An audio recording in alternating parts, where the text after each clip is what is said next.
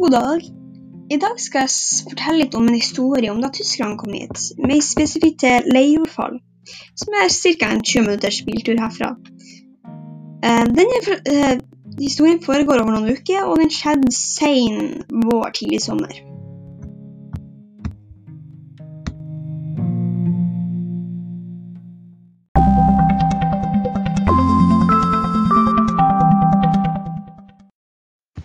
Ok, så først skal jeg fortelle litt om eh, hvordan det både var i leirjordfall under andre verdenskrig. Um, så de var på en måte litt avskilt fra rognene eh, helt til tunnelen eh, i Salfjellbelaga. Så krigen virka egentlig ganske fjern for dem.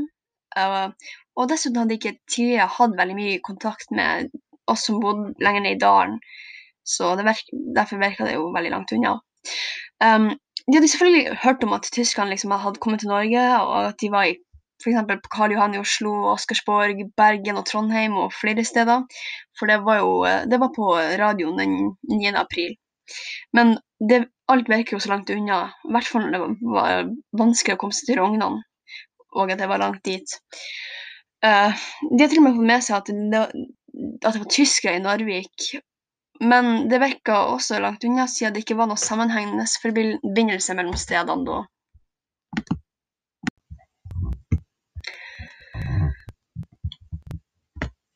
Dagene gikk som vanlig, men de hørte jo mer og mer på radio om nyheter som bare ble mer og mer negative. Men i hvert fall var det en oppmuntrende ting, og det var at engelskmennene hadde kommet til Norge, og at de til og med var i Bodø på Rognan, som var veldig betryggende. Men den 3. mai fikk de høre at engelskmennene hadde forlatt både Møre og Namsos, og det virket som at de, holdt på at de prøvde å rømme, som ikke var noe betryggende. Og så fikk de beskjed om å dra til Rognan for å hente melsekker for å gjemme vekk for tyskerne, bare for som sikkerhets skyld. Eh, de for dit, og så fikk de 50 kilo sekker som de tok med hjem. Eh, og så måtte de drasse på sekkene opp flåget, og så med hjelp av naboene så lagde de et skjul der oppe for å kunne holde melet mørkt, tømt og jevnt. Etter hvert så merka de at flyaktiviteten ble større, som kunne bety to ting.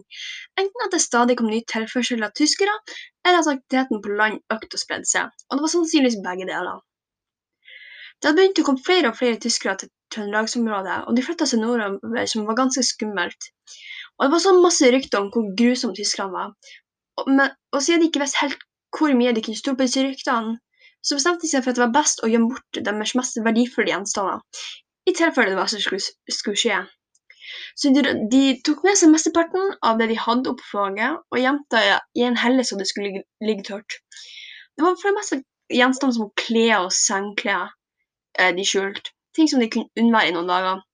De tyngre tingene som tålte, som tålt da ble, gravd ned i elveskråningen. De hadde også sett de hadde også sett både norske og engelske soldater som var på vei sørover mot Storjord og Saltfjellet. Og mandag 20. mai ble det sluppet bomber på Drageid som bare var 15 km unna. Men det var både Og det var både skadde og drepte. Men dette fikk de ikke vite om før lenge etterpå.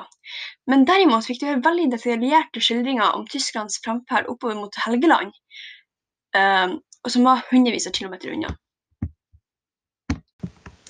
Til nå visste jeg at forandringene kunne skje når som helst. De gikk bare og venta på hva det kom til å være. Og hverdagen deres var heller ikke normal lenger, fordi huset var ribba for det meste av gjenstander.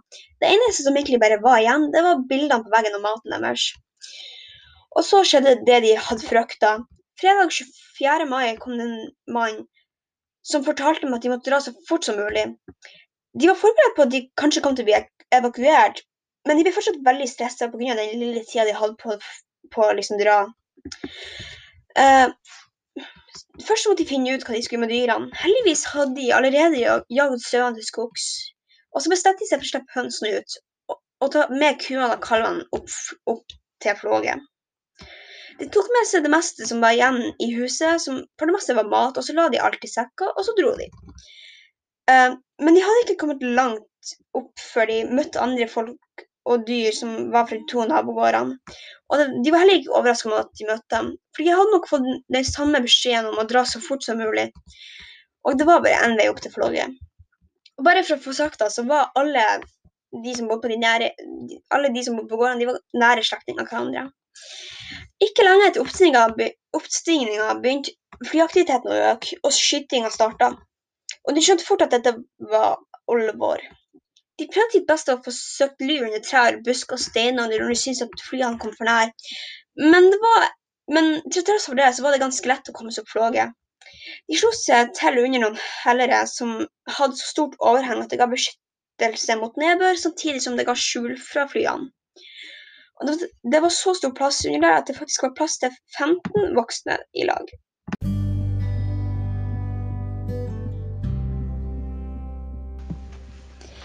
De hadde foreløpig nok mat, og siden de hadde med seg kuen, så hadde de mer enn nok melk. Men de hadde ikke mye, som, men de hadde ikke mye sengeklede. Heldigvis for dem var det mildt om natta, så det var ingen som frøs. Og siden skytinga hadde stoppa samme kveld som de hadde kommet opp, kommet opp så sneik noen av mennene seg til kanten av floget et par dager etterpå for å se hva som foregikk der nede. Derfor kunne de se tyskerne på gårdene som gikk inn og ut av våningshuset. Unntatt det så virka det egentlig ganske stille. Men det var ikke noe snakk om å dra ned eller om å vise dem, vise dem til tyskerne. Så de slo seg til ro på floget. For det, det, var jo varmt der, og de kunne koke mat. Så de, de, så de hadde det ganske bra, bortsett fra engstillelsen. Og siden våren hadde kommet tidlig, så var det litt grønt på bakken og på trærne, så dyrene hadde noe å spise. Som sagt hadde de noe mat, men de begynte å gå tom for pålegg, som var egentlig ganske rart. Eh, men to av jentene tilbød seg å ta med seg melk og gå ned til den øverste gården av de tre for å koke litt gommes. Ja, det, virka så stille. Gården, eller Plassen gården lå på, heter Gjesselia. Uh, og den lå såpass langt oppe fra riksveien og var skjult av så mye skog at det virka ikke særlig farlig. Motet deres svant litt da de kom lenger ned nærme huset, for det virka bare mer og mer skummelt. Men de skjønte at det ikke var noen i huset, så de de våga seg inn og begynte å koke om. Men de var veldig skeptiske for alle lyder, så med en gang de hørte flydur, flydur avbrøt de kokinga og dro tilbake til de andre. Eh, de sa sjøl at, at, det nok var den mest snarkokte gommen som presterte i Saltdal, og det fikk de også høre fra de andre, særlig fra mannfolkene. Og de skulle bli pla plaga litt med det for, i mange år etter.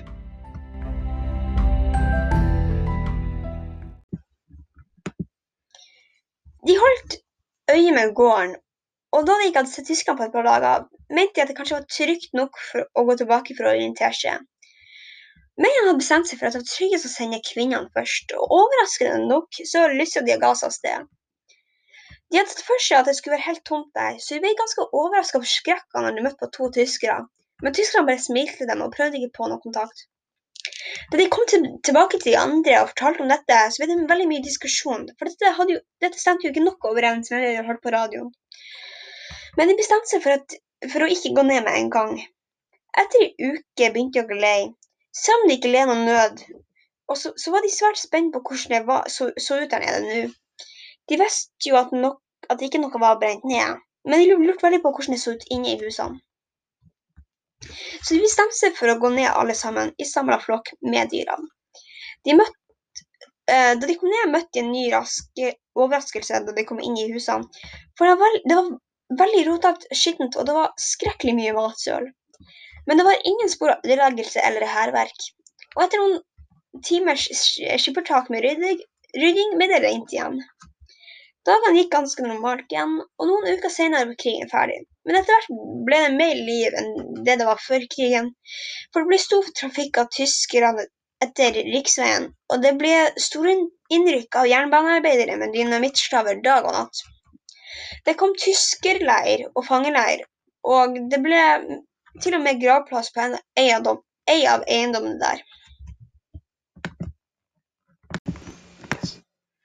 En liten ting som de merka etter at de hadde kommet ned, var at alle flasker med moltebærsaft var åpna, men urørt.